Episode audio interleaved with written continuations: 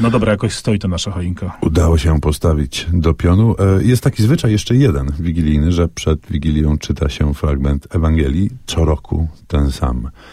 My mamy e, dla Państwa propozycję alternatywnego czytania. Warto sięgnąć do apokryfów Nowego Testamentu. W swoim czasie, przed paru laty, wydawnictwo WAM wydało całą kolekcję fachowo przetłumaczonych apokryfów Nowego Testamentu. Ja trzymam część pierwszą Ewangelii apokryficznych, która pełna jest opowieści o dzieciństwie e, Jezusa, także o samym Jego narodzeniu, tym, co działo się dookoła i to naprawdę jest mnóstwo różnych wariantów.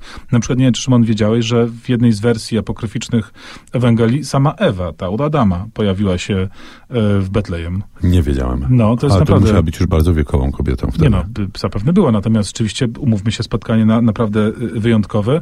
Ale też to, co ciekawe, mamy tutaj ogromną ilość opowieści o trzech królach, tudzież trzech magach, którzy jakoś tam tkwią w naszej świadomości i pamięci zbiorowej, ale w kanonicznych Ewangeliach obecni są raczej słabo.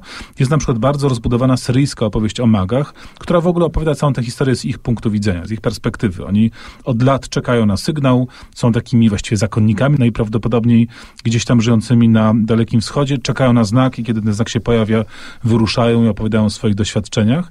E, Apokryfy z punktu widzenia kanonicznego kościelnego są, no właśnie, apokryfami, czyli pismami nieuznawanymi za objawione, natomiast jest tam cała masa szczegółów, które mogą naszą fantazję pobudzić i co tu dużo mówić, znacznie poszerzyć też naszą wiedzę o tamtej y, epoce. Do tego są to naprawdę świetne kawałki. Ja uwielbiam też tę opowieść o dzieciństwie Jezusa, które w kanonicznych Ewangeliach jest właściwie y, niemalże pominięte, a tu możemy poczytać, że w sumie on tak, czasami to- nieźle rozrabiał.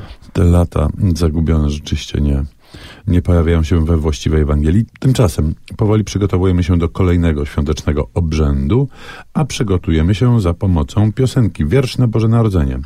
I to tekst oczywiście Wojciecha Munarskiego w wykonaniu Grzegorza Turnała.